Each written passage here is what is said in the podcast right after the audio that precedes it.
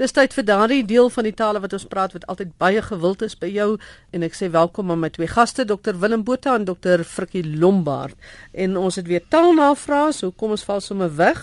Willem, die eerste vraag gaan aan jou. Wat sou 'n goeie Afrikaanse vertaling wees vir bedside manner? Dis Billy Warner wat so vra. Ja, Billy, dit is nou nogal 'n billike vraag. Daar's 'n rede hoekom jy dit vra want mense gebruik, daar's definitief 'n behoefte dat ek dit so stel want bedside manner is nogal 'n gewilde uitdrukking in Afrikaans. Jy gebruik dit vir 'n dokter wat nou baie simpatiek is of wat weet hoe om met mense te werk. En as jy na die Woordeboek toe gaan, as jy nou in Faros uh, tweetalige Woordeboek gaan, dan gee hulle twee vertaal ekwivalente vir bedside manner, naamlik dokterstakt en siekekamer maniere.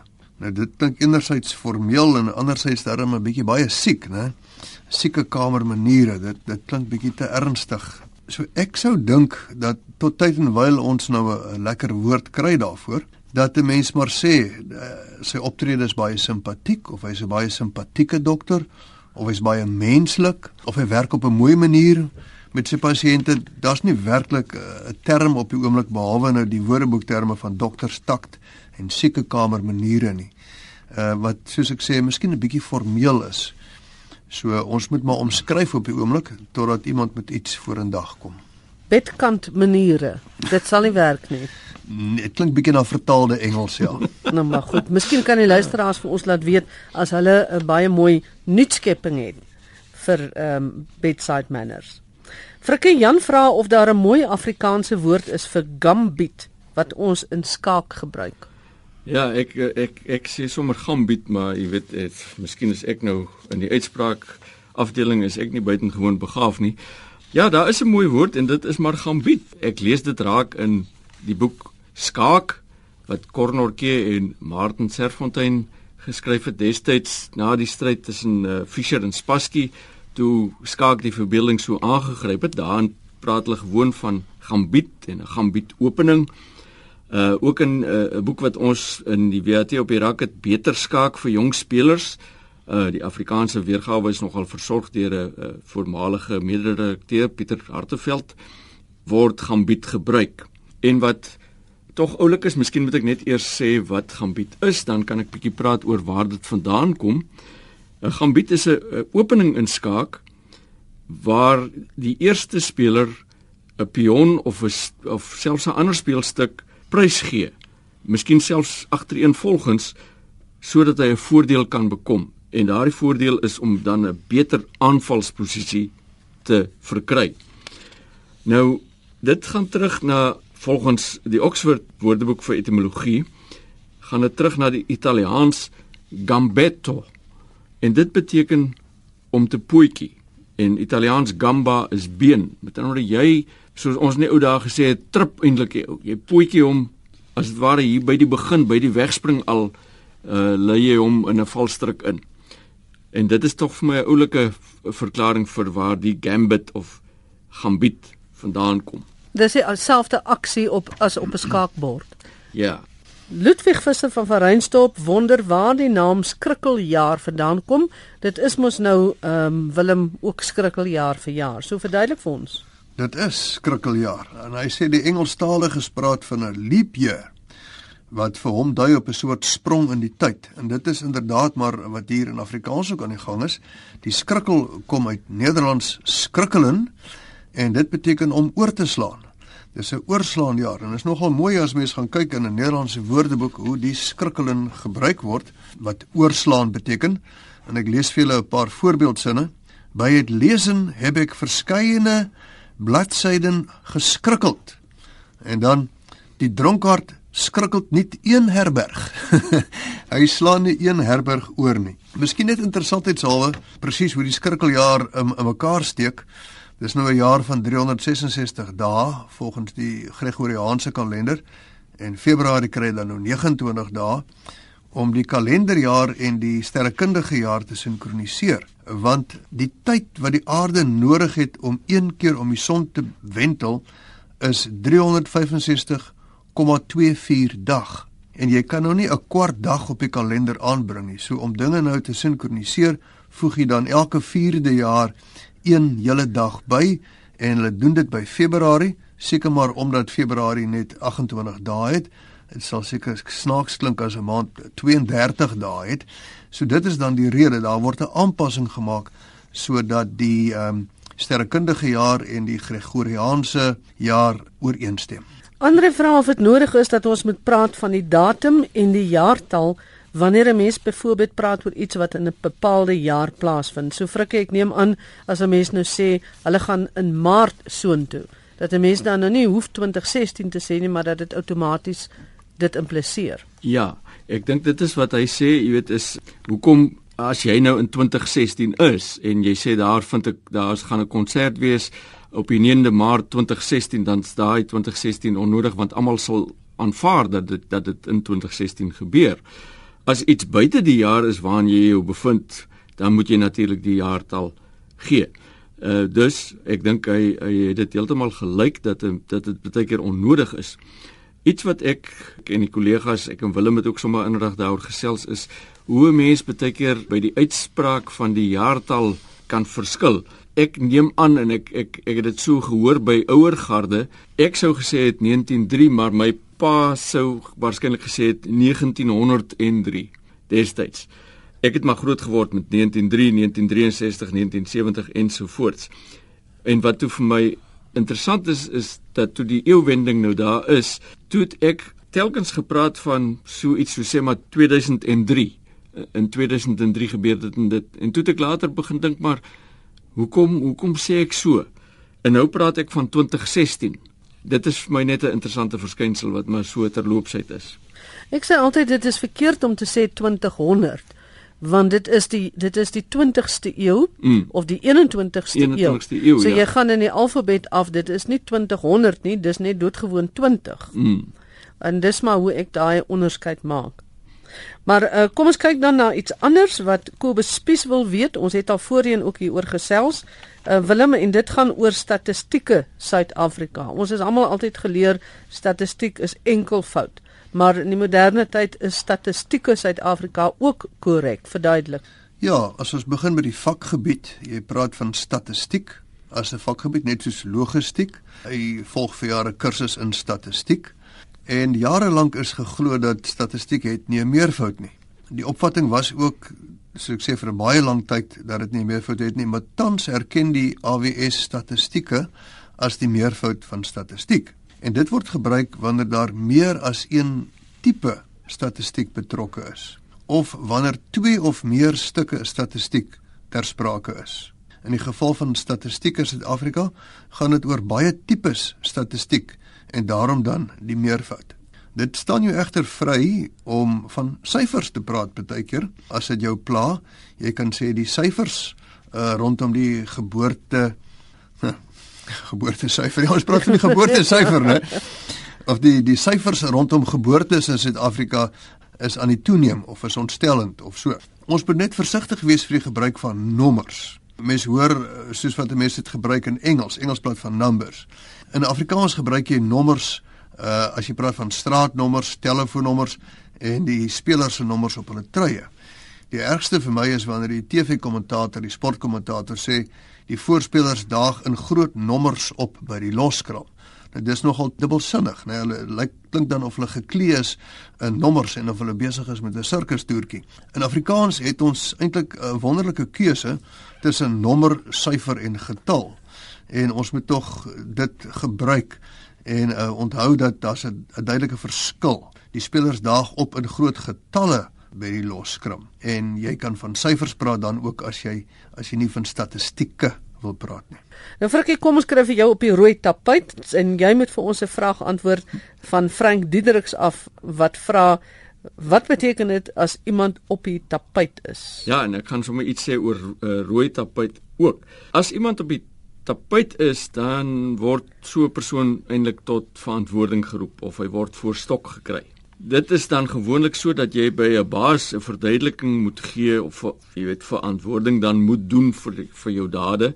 Uh jy was miskien bietjie verkeerd oor iets en nou jy weet nou verskyn jy daar op sy tapuit. Die onderbou hier is dat die baas se kantoor gewoonlik so 'n tapuit gehad het maar die ander kantore nie. as jy dan op die tapuit was, dan was jy by die baas in die kantoor en dan is dit dikwels omdat jy bietjie voorstok gekry is vir iets wat jy verkeerd gedoen het. Nou in Nederlands kan jy ook iets op die tapuit bring. Dit beteken daar's 'n groen kleed wat soms oor 'n tafel gegooi word en as jy dan iets op die tapuit bring dan dan bring jy iets vir bespreking op die tafel. Dis so 'n figuurlike gebruik wat wat uitbreiding van betekenis was. Miskien moet ek dan net ook iets sê oor die die rooi tapuit. Dit kom al van voor Christus af. Daar was 'n die seun van 'n koning wat 'n egoïs was, Agamemnon en sy vrou wou hom so 'n bietjie beproef in in toets. En toe sy nadat hy weg was op 'n lang reis, het sy die rooi tapuit uitgerol, jy weet van die straat af omtrent tot by sy voordeur. En hy het hy het gehuiwer om hier te stap want eintlik was net die gode waardig genoeg om op 'n rooi tapuit te loop, maar toe omdat hy egoïs is, het hy dit nou maar in elk geval gedoen. En so op die manier het die rooi tapuit geassosieer geraak met nie net gode nie, maar ook koninklikes en dit sien 'n mens ook in portrette deur die geskiedenis heen.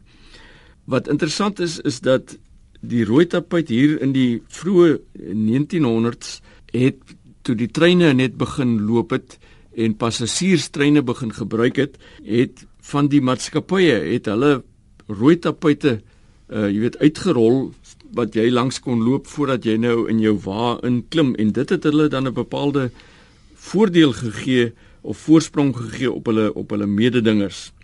Nou vandag weet ons as jy uh, iemand die wat hulle noem in Engels giving someone the red carpet treatment dan beteken dit maar net gewoon uh, jy ontvang mense en jy trakteer hulle as dit ware soos koninklik is, jy behandel hulle soos koninklik is. So kry eintlik vir my twee betekenisse hierdie, een negatief en een positief. As jy op die rooi tapuit verskyn, dan kan dit wees jy's in die moeilikheid, mm. maar as jy op die rooi tapuit verskyn kan ook wees jy's in die kollig. Jy, jy, jy is in die kollig en op die hande gedra, en ja. jy word op die hande gedra. Ja, ja so ietsie. Is julle al op die rooi tapuit gewees? Elke dag. Ja, ek ek, ek hulle rol hom vir my uit. ja, aankom dan kom hy al. en ek is in, ek is in die ander verband. ja. Willem Rihanna Skeper sê sy wonder oor die betekenis van eens in weer eens. Ja, Rihanna, dit is soos jy hierso verder aan in jou briefie skryf dat eens beteken tog keer. En uh, dit is heeltemal reg, weer eens beteken maar net nog 'n keer.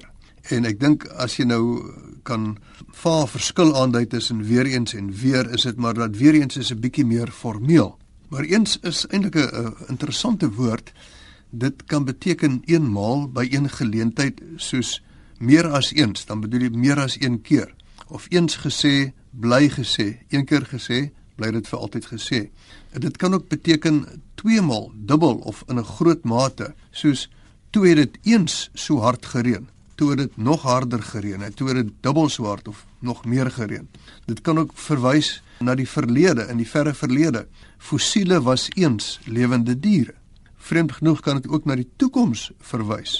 Die dinge sal ons eens beter verstaan. Maar die betekenis wat vandag ter sprake is, is die van 'n keer, 'n slag. So kry jy nog eens, dit beteken nog 'n keer en weer eens beteken dan nou maar net weer 'n keer. En soos ek sê, uh, ek dink weer eens is 'n bietjie meer formeel as weer. As jou vrou nou by herhaling die die sleutel in die motor toegesluit het wat vandag nou nie meer so baie kan gebeur nie, vanweë die tegnologiese vordering, maar dan sal jy gesê het, het jy alweer die sleutels in die motor toegesluit. Jy gaan nie sê het jy weer eens die sleutels in die motor toegesluit nie.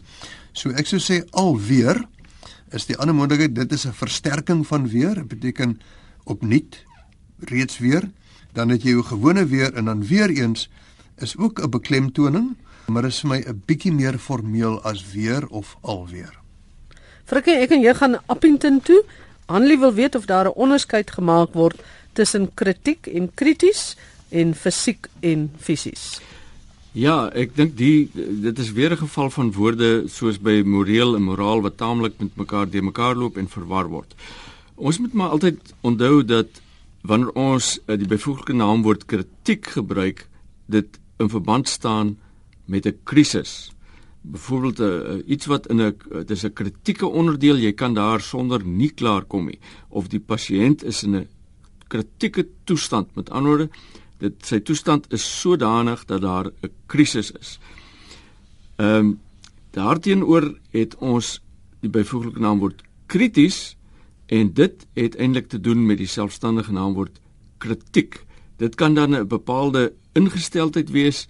Jy kan 'n kritiese beoordeling doen oor 'n boek of oor 'n film. Jy beoordeel dit en die mense moet tog liefs maar die twee goeters uitmekaar uithou. Dieselfde kom voor by fisiek en fisies. Fisiek het eintlik betrekking op die menslike liggaam, op die Engels fisiek. Dit beteken eintlik liggaamlik. Jy gaan ook vir 'n fisieke of 'n liggaamlike ondersoek en iemand kan fisiek baie sterk of baie swak wees. Fisies daarenteen het eintlik betrekking op die tasbare werklikheid of dan die natuur. Dis natuurlik. Maar in die praktyk loop hierdie goeie staamlik te mekaar. Weereens vra mens maar dat die noukeurige taalgebruiker onderskei tussen die twee. Fisiek is dan die liggaamlike teen fisies wat met die fisika of die natuurlike te doen het. Ja, soos in sy fisiese teenwoordigheid. Goed, en ons laaste vraag vir vandag kom van Renay van Wyngaarden wat wil weet wat is reg? 3 mm reën of 3 mm se reën? Ja, Renay sê sy was 'n onderwyser, taalonderwyser en sy het nog dit so onderrig dat jy sal sê 50 rand se wors, maar jy sê 1 kg wors. En net so sê jy 3 mm reën. En dit is haar verkeerd dat sy na die weerverslag luister en dan word gepraat van 3 mm se reën. Nou ek het mooi gaan ondersoek instel hierna ek het uh, met verskeie mense gepraat en interessant genoeg mense sal sê hulle as hulle nou van wors praat sê hulle hulle gaan koop 1 kg wors maar hulle sal sê gee my asseblief R50 se wors. Maar hulle almal van hulle praat van 3 mm se reën of 3 mm reën. So wat het ek vasgestel? Ek het vasgestel dat daar 'n wisseling is. 3 mm reën en 3 mm se reën kom beide baie wyd voor, maar dit lyk vir my of 3 mm reën meer formeel is omdat ek in geskrewe bronne soos in die VAT en die voorbeeldsinne in die koerante heelwat meer opnames gekry het van 3 mm reën as van sê net maar 20 mm se reën, maar beide kom voor. Saam met 'n geldeenheid R50 se wors, dit kom baie voor. En 1 kg wors of 1 kg se wors, jy kry ook die se by 1 kg se wors, maar hy kom min voor.